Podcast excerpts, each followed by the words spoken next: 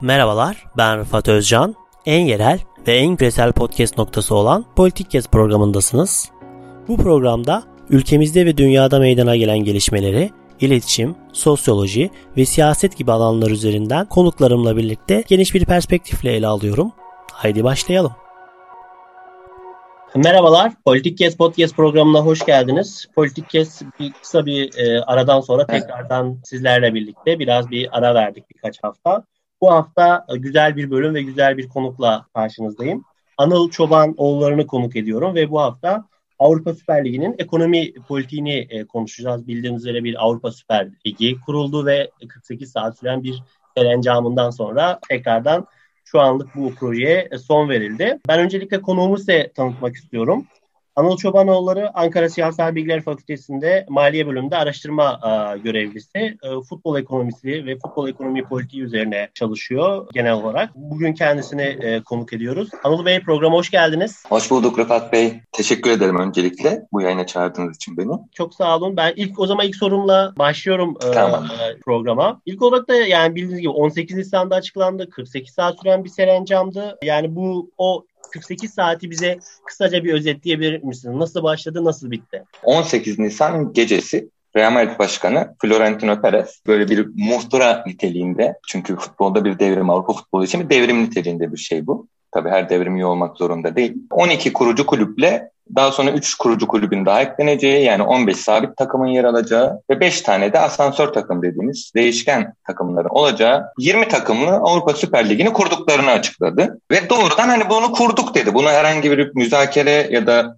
UEFA ile bir görüşme yapacaklarını ya da kurmayı planladıklarını açıklamadı. Bu çok önemli. Kurduk dedi. Yani bu artık ortadaki masayı kaldırdıkları anlamına geliyordu. E tabii bu gündeme, futbol gündemine bomba gibi düştü. Ardından bir açıklama savaşları e, gerçekleşti aslında. Yani bu 48 saat içerisinde sürekli Florentino Perez ve UEFA Başkanı Ceferin ile başlayan, daha sonra işte Boris Johnson'ın, Fransa Devlet Başkanı'nın, Avrupa'daki önde gelen e, futbol kulüp taraftarlarının, futbolcuların, eski ve faal futbolcuların, teknik direktörlerin hepsinin konu üzerinde açıklamaları oldu ve aslında bir açıklamalar savaşına e, dönüştü bu. Ve evet ömrü 48 saat e, sürdü. Çünkü e, az sonra belki daha ayrıntılı olarak anlatırım, bahsedebilirim. Bu 48 saat sonunda Florentino Perez Avrupa Süper Ligi'ni askıya aldıklarını açıkladı. Çünkü zaten İspanyol kulüpleri dışında hatta Atletico Madrid'de en son çekildiğini açıkladı. Yani Real Madrid ve Barcelona dışında zaten bir kulüp kalmadı Avrupa Süper Ligi'nde. Bütün kulüpler projeden çekildiklerini açıkladılar. Açıklamak zorunda kaldılar bu arada. Yani e, bu bunu şey olarak görmemek lazım. 48 saat içinde düşündüler ve evet e, biz yanlış bir şey yapıyoruz dediler ve bu yüzden böyle bir açıklama yaptılar değil. Açıklamak zorunda kaldılar. İlk, ilk önce bunu söyleyeyim. Florentino Perez'in bu e, kurucu bildirisinde bildirisinin hemen ardından UEFA Başkanı Cefer'in çok sert bir açıklama yaptı. Kesinlikle bu projeyi desteklemediklerini ve hatta neredeyse bizlerin de bizlerin de gözlerini yaşartan açıklamalar yaptı. Çünkü dedi ki bu futbolun DNA'sına uygun değil bu yapı Avrupa futbolundaki rekabetçi dengeyi sarsacak, bu dengeyi bozar dedi. Yerelliklerin halini daha kötü bir yani yerel rekabeti öldüreceğinden bahsetti. İşte taraftarların bir müşteri olmadığından turnuvaların daha kültürel nitelikleri olduğundan bahsetti. Ama en büyük serzenişi de Juventus Başkanı Agnelli'ye yaptı bu arada. Bir magazinsel boyut olarak. Bu bundan bahsetmek gerekiyor çünkü Agnelli Avrupa Kulüpler Birliği Başkanıydı. O süreçte Juventus Başkanı ve sahibi. Agnelli ailesi zaten. Ve bir gün önce telefonda Cefer'inle konuştuklarında Şampiyonlar Ligi'nin yeni formatını, beraber açıklamaları açıklamaları yönünde bir mutabakata vardıklarını, her şeyin yolunda olduğunu belirten bir konuşma yapıyorlar Cefer'in ve Agnelli. Ama bir gün sonra başına Agnelli'nin çektiği yani Perez evet başkan oldu ama Agnelli de buradaki en önemli aktörlerden biri. Avrupa Süper Ligi'nin kurulmasındaki en önemli aktörlerden biri de Juventus Başkanı Agnelli. Ve Juventus'un da bu lige katıldığını e, gördü Cefer'in e, ve koynumuzdaki yılan diye bahsetti Agnelli'den. Çünkü bir gün önce hiçbir sorun yokmuş gibi bu kurulması plan, planlanan Avrupa Süper Ligi'nden hiç bahsetmeyerek Cefer'ini bir anlamda sırtından hançerlemiş gibi göründü. Cefer'in bu yüzden Agnelli'ye de yönelik de çok sert açıklamalarda bulundu. Ve Cefer'in açıkça bu Süper Lig'e katılacak olan kulüpleri tehdit etti. Yani e, bu kulüplerin yerel liglerde oynayamayacağını, FIFA'yı da arkasına alarak bu kulüplerde oynayan oyuncuların milli turnuvalarda boy gösteremeyeceğini yani milli takım formasını tekrardan giyemeyeceğini belirtti. Hatta daha da ileri gitti. Bu kulüplere yönelik yaptırımlar uygulayacağını, Avrupa ülkelerinin de yaptırımlar uygulayacağını söyledi. Ve aslında bunu biraz da şeye çekti. Amerika Birleşik Devletleri Avrupa Birliği eksenine çekti ve bunu çok iyi başardı. Yani Avrupa Birliği üyesi ve Brexit uygulayan İngiltere dahil birçok ülke, yani bütün ülkeler neredeyse Avrupa Süper Ligi'ne karşı açıklama yaptılar. Yani federasyonlar aracılığıyla bazıları siyasi kanallarla yani politikacılar aracılığıyla buna karşı açıklama yaptılar. Ama Florentino Perez başkanlığındaki yapı bu resti gördü. Bunu söylemek gerekiyor. Yani UEFA'nın, FIFA'nın ve politikacıların çektiği resti gördü ve el arttırdı. Dedi ki peki yani biz zaten o kadar ekonomik olarak büyük bir lig kuruyoruz ki biz buradan Avrupa'daki diğer yerelliklere de para pompalayacağız. Yani oralardan transfer yapacağız. Oraları da gelişecek. E, yerelliklerin de gelişeceğini iddia etti. Ya onlar da para kazanacak. Gelişmekten kastım burada futbolun gelişmesiyle ilgili değil. E, net olarak ekonomik olarak gelişmekten bahsediyorum. Hem orası yani yerellikleri de geliştireceğiz dedi. Bizim oyuncularımızı Avrupa Süper Ligi oyuncularını milli takımda oynatmıyor musunuz? Peki dedi kendi dünya kupamızı yaparız dedi. Yani bu restleşmenin en üst seviye çek, çıktığı boyuttu söz konusu süreçte. Yani kendi Dünya Kupası'nı düzenlemek demek aslında UEFA ve FIFA'yı net olarak devre dışı bırakmak demek. Bu sebeple dediğim gibi 19 Nisan'da 20 Nisan'ın başlarında yani 19 Nisan'da aslında gerginliğin boyutu iyice arttı, masa yıkıldı ve artık iki tarafta birbirine karşı savaş baltalarını net olarak çıkarmış oldu. Peki ne oldu daha sonraki gün? İşin içine aslında futbolun gerçek özne, benim gerçek özne dediğim futbolun gerçek özneleri girdi. Yani teknik direktörler, futbolcular ve taraftarlar. Ve çok net bir duruş sergilediler. Avrupa Süper Ligi'nin futbolu bitireceğini dair çok net bir duruş sergilediler ki ben de bu yönde düşünüyorum. Çünkü futbolu güzel yapan şey rekabet duygusu. Yani futbol severler için hep böyledir. Yani birçok futbol sever yani Steaua Bükreş'in Real Madrid'i yenme ihtimalini severler. Bunu bize romantik diyorlar bazı rasyoneller. Ama kendi rasyonelliklerinin nereye gittiğini gördük. Artık daha fazla açıklamaya gerek yok. Bence bir hani ben rasyonelim, işte futbolun ekonomisi büyümeli, işte evet tabii ki Avrupa Süper Ligi kurulmalı diye düşünen insanların artık ben futbolu değil ekonomiyi düşündüğünü varsayıyorum. O yüzden de futbol konuşurken çok ciddiye almıyorum açıkçası. Yani futbolun tırnak içerisinde romantikleri dediğimiz özneleri Avrupa Süper Ligi'ne net olarak karşı çıktılar ve ardı ardına açıklamalar yaptılar. Tabii ki Avrupa Süper Ligi için bu çok beklenmedik bir şeydi. Yani evet bir, bazı tepkilerin gelebileceğini bekliyorlardı. Zaten kendileri de böyle söylüyor. Yani Manchester United Başkanı da açıklamasında yani evet tepkiler gelebileceğini biliyorduk ama bu boyutta olacağını bilmiyorduk dediler. Çünkü birçok taraftar grubu kulüp taraftarlığını bıraktıklarını açıkladılar. Örneğin Liverpool. Liverpool'un COP tribünü dediğimiz COP e, en büyük taraftar oluşumu. Dedi ki biz Liverpool'u bırakıyoruz. Yani biz sizin artık müşteriniz olmayacağız. Bu, bu yapı çok inanılmaz bir yere gitti. Avrupa Süper Ligi dediğimiz şey kapitalizmin ulaştığı böyle doruk noktalarından birisi olacaktı futbol için eğer kurulsaydı. Ve artık zaten 20 yıldır futbolun kapitalistleşme, kapitalistleşme sürecine dair de tepkileri vardı ama bu kadar sert olmamıştı. Belki o zaman bu kadar sert olsaydı bugün Avrupa Süper Ligi hayali kurulması mümkün olmazdı. Bu klasik benim de sevdiğim bir fikra vardı. Hani o sarı öküzü vermeyecekti. 20 yıl önce 25 yıl önce o sarı öküz verildi bir kere. Ve tabii ki kapitalizm de durmadı ve daha fazlasını istemeye devam etti. Sanırım şimdi bu taraftar grupları ya da futbolun özneleri o sarı öküzü vermeyecektik diyorlar. Ve buna dair o sarı öküzü geri almaya dair de çabaları var şu anda. Bunlardan da bahsederiz. Ama e, toplayacak olursak aslında bu 48 saatlik süreçte e, açıklamalar savaşı yap, yaşandı. E, ben bunu ikiye ayırıyorum. Bir siyasi cephe bir de taraftar ya da futbolun öznelerinin cephesi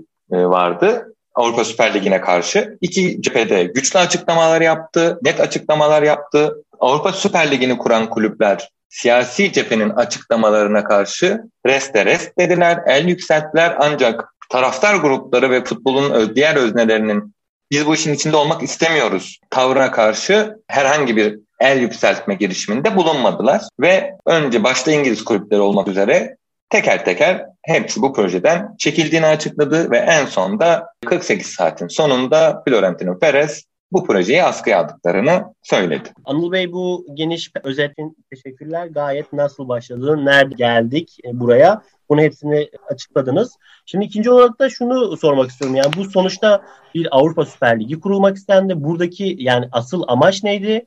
Yani bu büyük kulüpler neden rahatsızdı? Neden böyle bir girişim içine girme ihtiyacı duydular? Avrupa'daki büyük kulüpler zaten 90'ların sonundan bu yana UEFA ve FIFA ile beraber özellikle UEFA ile beraber çünkü Avrupa futbolunun organizasyonunu UEFA yapıyor. Şampiyonlar Ligi, Avrupa Ligi ve diğer bizim eski UEFA Kupası dediğimiz ve diğer organizasyonların sorumlusu UEFA ve UEFA ile bir şekilde işbirliği içerisinde sürekli Avrupa'daki büyük kulüplerin total ekonomik pastadaki payını toplam toplam payını artıran uygulamaları zaten yıllar itibariyle gerçekleştirdiler. Ancak yani UEFA'daki Şampiyonlar Ligi'nin yapısının değişmesi gibi örnekler zaten hem futbola rekabeti bozucuydu hem de büyük kulüplerin daha çok büyümesini, daha çok semirmesini sağlıyordu. Ancak Avrupa Süper Ligi çok daha başka bir şey. Çok daha vahşi bir şey aslında. Vahşi bir kapitalizm örneği. Bilmiyorum kapitalizmin vahşisi olur mu? Bence anlatım bozukluğu oluyor. Kapitalizmin kendisi vahşidir ama olsun şöyle bir süreç yaşandı aslında orada da. Büyük kulüpler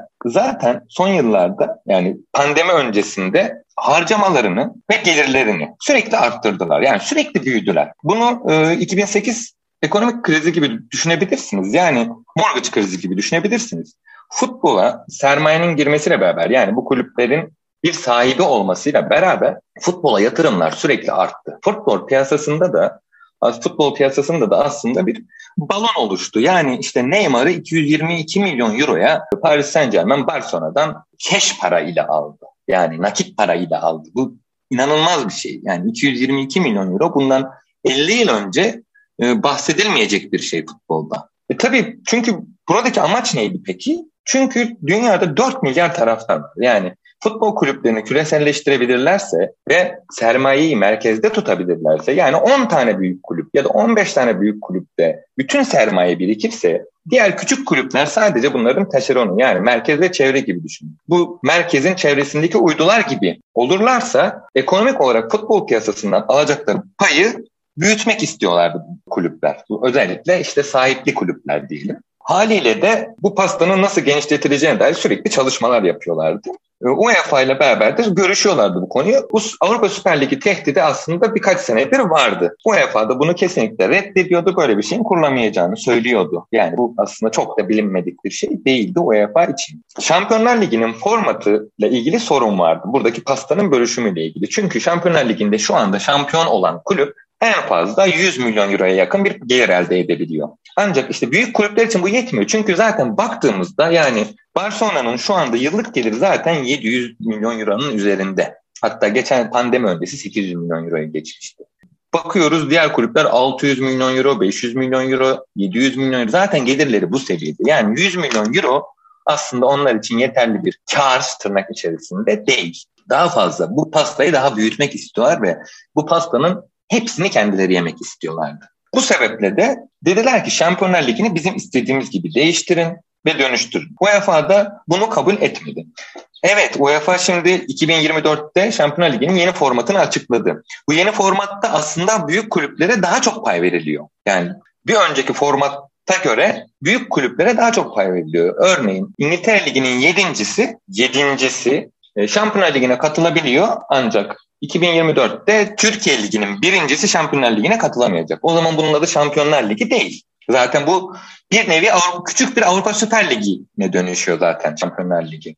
Ama dediğim gibi buradaki işte büyük kulüplerle UEFA'nın bu karşı karşıya gelmesi tam olarak pastanın tamamını istemekle ilgili bir şey. UEFA da diyor ki hayır bu pastayı ben yönetmek istiyorum. Büyük kulüpler de diyor ki sen bu pastayı yeterince iyi, yeterince kapitalist yönetemiyorsun. Bunu bize bırak yönetimi. Biz bu pastayı büyüteceğiz ve hepsini biz yiyeceğiz. Biz doyduktan sonra arta kalanları da diğer kulüpler yiyebilir. Hatta yemelerine gerek yok. Biz zaten onlardan transfer yapacağız. Ee, böylece o kulüpler de bir gelir elde etme elde etmiş olacak e, dediler. Aslında kısaca neden bir Avrupa Süper Ligi kurulmak isteniyor?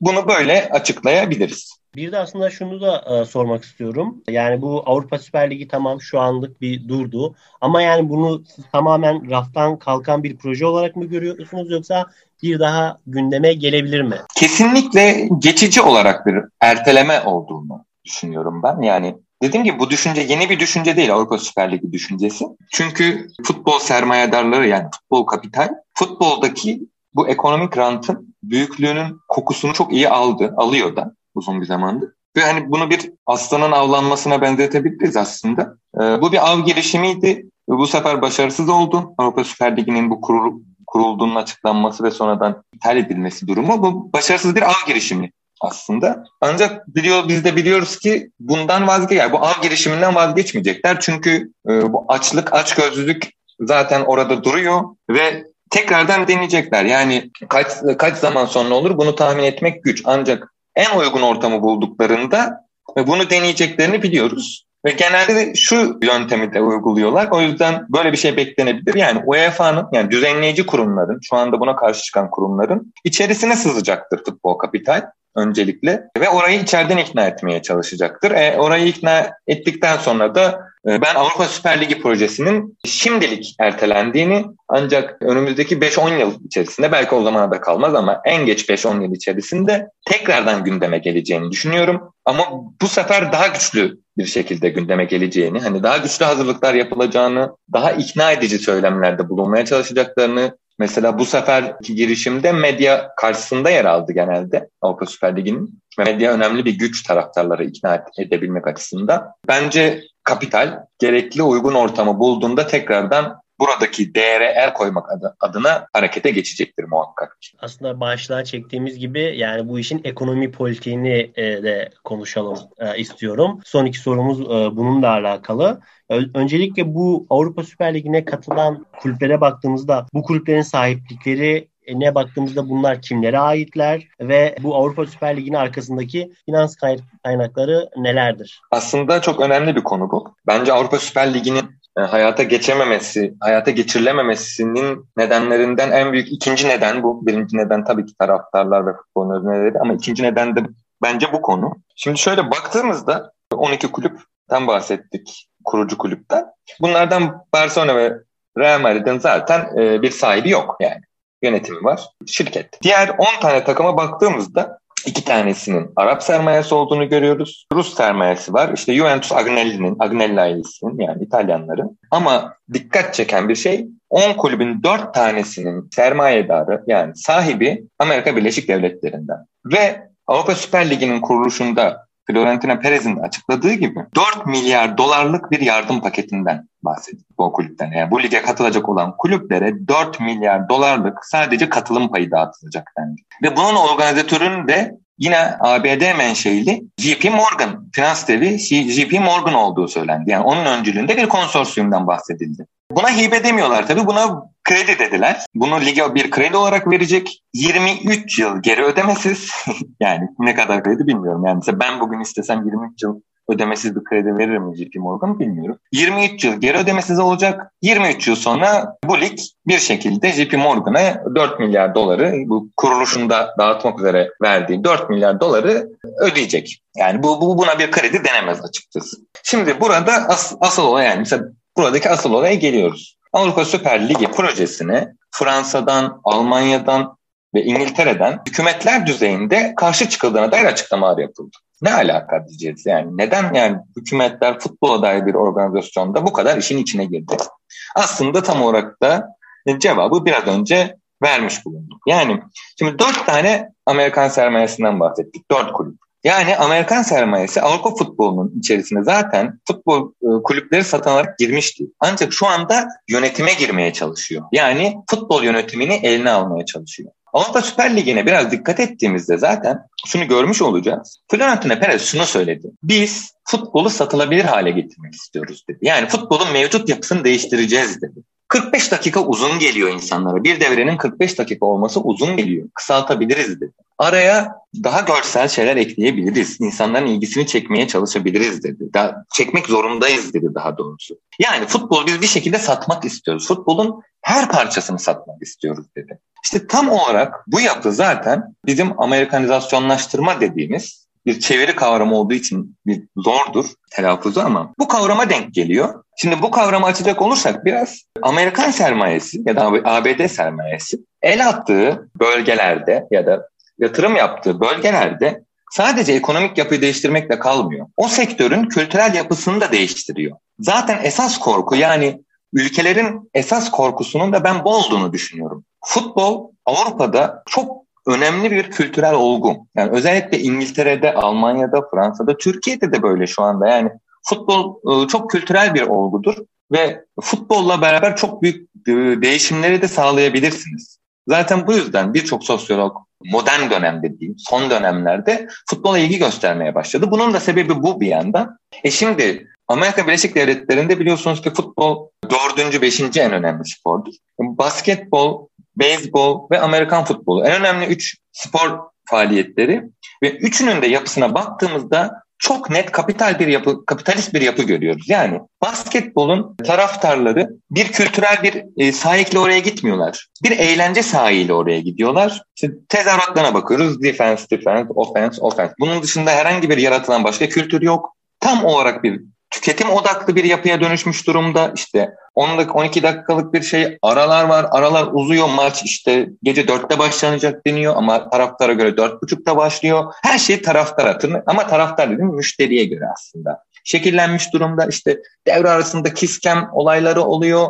Başka bir şey satıyorlar oradan. İşte sponsorluklar alıyorlar bazı işte araba bir tane araba firması geliyor devre arasında bir organizasyon düzenliyor işte bir taraftara çek veriyor orada kocaman yazıyı görüyoruz biz onu izliyoruz. Oyunu kaçırıyoruz yani o oyuna olan odağımızı kaçırıyoruz zaten o da önemli değil yani buradaki aslında Amerika ve spor arasındaki ilişki de biraz böyle. Şimdi Avrupa futbolu böyle bir şey değil. Avrupa futbolunun en az 150 yıllık bir tarihsel kökeni var ve kültürel kodları var. Yani şu anda baktığımız özellikle İngiltere'deki kulüplere, Almanya'daki kulüplere baktığımızda Fransa'daki kulüplere, Türkiye'deki kulüplere her ülkedeki kulüplerin aslında kendi tarihi var ve kendi futbol kültürleri var taraftar gruplarının oluşturduğu futbol kültürleri var. Ve Avrupa Birliği'nin yani İngiltere'nin orada bulunması çok ironik tabii. Bu Avrupa Süper Ligi'ne karşı Avrupa Birliği'ni savunan bir yerde bulundu. Bu da ironik ama bu bir yandan da Avrupa Birliği'ne dair önemli bir kültürün, futbol kültürünün ABD sermayesi eliyle e, dönüştürülmesi anlamına da gelir. Bu yüzden zaten ben Avrupa Birliği'ndeki ülkelerin net bir tavırla buna karşı çıktığını, Avrupa Süper Ligi'ne karşı çıktığını düşünüyorum. Ve bu bence dediğim gibi bu projenin hayata geçmemesindeki, geçememesindeki en önemli ikinci unsur olarak karşımıza çıkıyor. Ve sanırım Avrupa Birliği ülkeleri bence bundan sonraki süreçte futbol kulüplerinin sahiplikleri konusunda, sahiplendirilmesi konusunda, bu sahiplendirilmesi tabii belki uygun bir şey olmadı ama futbol kulüplerinin satılması konusunda bence tırnak içerisinde daha muhafazakar düzenlemeler getirebilir önümüzdeki dönemde. Zaten aslında bir soru daha soracaktım. Onu da siz cevaplamış oldunuz. Yani Amerikan sermayesinin buradaki rolü e, ne e, diye ve buradaki amaçlanan şey neydi? Onu da siz cevaplamış oldunuz. E, son olarak da dediğiniz gibi yani bundan sonra ne bekleyebiliriz? Nasıl bir e, gelecek öngörünüz var bu konu bağlamında hocam? Ee, evet yani zaten biraz önce şeyden bahsetmiştim. Futbol kapital bu pastayı büyütme hevesinden, hırsından ve bu pastanın hepsini yeme açgözlülüğünden kesinlikle vazgeçmeyecektir. Yani futbolda kapital olduğu sürece futbol birilerinin futbol kulüpleri birilerinin sahipliğinde olduğu sürece bundan vazgeçmez kapitalist sistem. Bundan vazgeçmeyecektir. Tekrar karşımıza çıkacak. Adı Avrupa Süper Ligi olmaz, başka bir yapı olur. UEFA'yı ikna ederler belki. Tam olarak diyeceğim şey de aslında burada. Bu yapının tekrardan karşımıza çıkacağını biliyoruz. Ama bundan sonra ne olabilir? Neler yaşanabilir? Burada en, en kritik iki kurum aslında UEFA ve FIFA. FIFA biliyorsunuz dünyada futbol organizasyonunu üstleniyor. UEFA da Avrupa'daki futbol organizasyonunu üstleniyor. Futbol Kapital öncelikle UEFA ve FIFA'yı ikna etmeye çabalayacaktır. Ve onlarla bir anlaşma zemini e, bulmak isteyecektir. Bu şu anda çok kısa sürede mümkün görünmüyor. Ceferi'nin başkanlığında mümkün görünmüyor. Kullanılan cümlelere baktığımızda bunun çok mümkün olmadığını görüyoruz ama tabii ki işin ekonomik boyutu işin içine girince, ekonomik boyutta düşünülünce biz daha örnek, önceki örnekleri de bildiğimiz için UEFA'nın daha önceki, UEFA ve FIFA'nın daha önceki başkanları Platini ve Blatter yolsuzluktan içeri alındı. Yani ekonomik, rüşvetten dolayı içeri alındılar şu an yani. Hapis cezasına çarptırıldılar. Şimdi UEFA ve FIFA da zaten yozlaşmış bir yapı. Bu yüzden e, futbolun geleceğini sadece ve sadece UEFA ve FIFA'nın kararlarına ya da bu Avrupa Süper Ligi'ne karşı, futbol kapitale karşı duruşuna bırakmamak gerekiyor. Çünkü futbol kapital ve bu organizasyon yapıları bir şekilde uzlaşacaktır diye düşünüyorum gelecekte. Bir şekilde anlaşacaktır. Peki bunun karşısında nasıl durulabilir? Yani futbol kapital nasıl yenilebilir? Gelecekte bunun nasıl olabileceğine dair ise iki şey var. Birincisi devletler düzeyinde önlemler ama öncelikli, o zaman şöyle değiştireyim. Birinci sırada futbolun öznelerinin bu konuya bakış açısı geliyor. Yani Avrupa Süper Ligi'ne karşı verilen tepkiler biraz daha sertleştirilmeli. Yani e, futbol terimiyle bahsedecek olursak en iyi savunma hücumdur.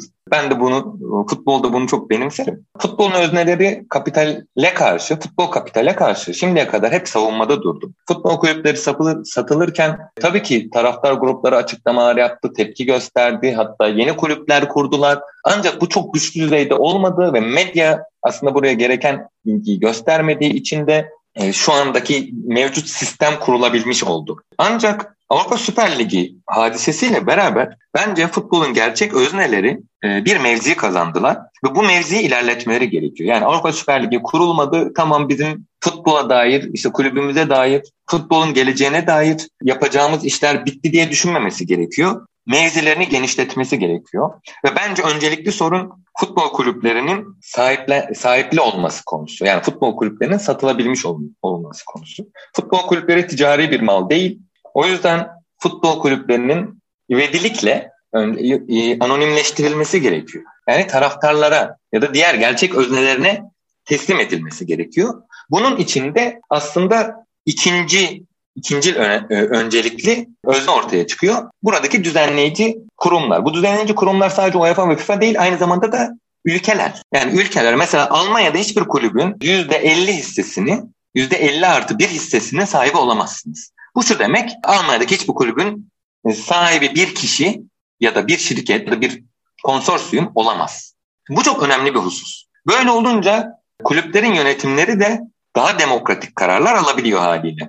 Daha çok taraftar odaklı ve demokratik kararlar alabiliyor. Ben gelecekte şu anda insanlar, iş insanları tarafından e, satın alınmış olan kulüplerin tekrardan anonimleştirileceğini, anonimleştirilmesi gerektiğini düşünüyorum. Eğer bu sağlanabilirse Avrupa Süper Ligi'nin de gelecekte karşımıza çıkma olasılığını e, şimdiden ortadan kaldırmış oluruz. Ancak bu sağlanamadığı sürece e, Avrupa Süper Ligi projesi başka bir isimle bu sefer arkasına daha büyük güç alarak büyük ihtimalle UEFA ve FIFA'yı ve medyayı da arkasına alarak tekrardan futbola karşı saldırmaya devam edecektir. Ee, çok teşekkür ederim hocam. Benim burada sorularım bitti. Programa katıldığınız için çok teşekkür ederim tekrardan. Ben çok teşekkür ederim. Çünkü bu konu sadece ve sadece futbol severleri ilgilendiren bir konu da değil. Biraz önce bahsettiğimiz gibi. Bu konu hakkında medyada özellikle tabii ki Avrupa Süper Ligi'ne karşı birçok görüş dile getirildi ama bunun ekonomi politik boyutunun da çok önemli olduğunu düşünüyorum. Bu, bu sebeple bana da söz hakkı verdiğiniz için teşekkür ederim. Ben tekrardan çok teşekkür ediyorum hocam. Çok sağ olun. Bugün Anıl Çobanoğulları ile e, Avrupa Süper Ligi'nin ekonomi politiğini konuştuk. Bizi dinlediğiniz için teşekkürler. Kulağınız bizde olsun. En yerel ve en küresel podcast programı Politik Kesti dinlediniz. Bizi Spotify, Apple, Google Podcast üzerinden ve sosyal medya hesaplarımızdan takip etmeyi unutmayın. Yeni başlıklar ve konuklar için kulağınız bizde olsun.